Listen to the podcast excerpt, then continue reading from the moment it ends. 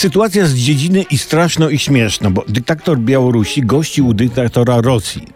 Putin zaprosił Łukaszenkę na jacht i dał mu pół miliarda dolarów.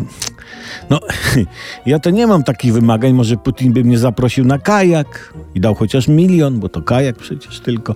Ale dlaczego pan Putin dał panu Łukaszence pół miliarda? Wiadomo, że prezydent Rosji nie zaprasza na jacht, o tak sobie z życzliwości i rozdaje dolary, nie?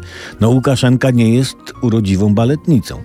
To przez sankcje, jakie nałożył Zachód na Białoruś w związku z uprowadzeniem przez Białoruś samolotu i aresztowaniem białoruskiego opozycjonisty, którego los jest straszny.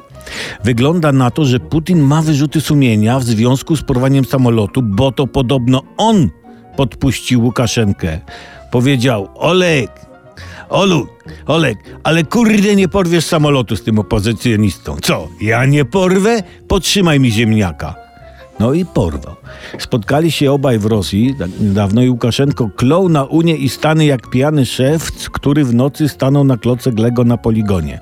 Nie? I Łukaszenka pokazał grubą teczkę i zapewnił, że ma ta w niej dowody na to, że on miał rację uziemiając 23 maja samolot. I już miał otworzyć tę teczkę, ale Putin szepnął mu Olek, nie otwieraj, bo ci ziemniaki z niej wypadną. No i teraz mówi się, że przez konflikt z Zachodem cena za poparcie Putina może być dla Łukaszenki bardzo wysoka. Być może będzie, będzie nawet musiał oddać Putinowi swoje ulubione ziemniaki z tej teczki. Rast nezinu.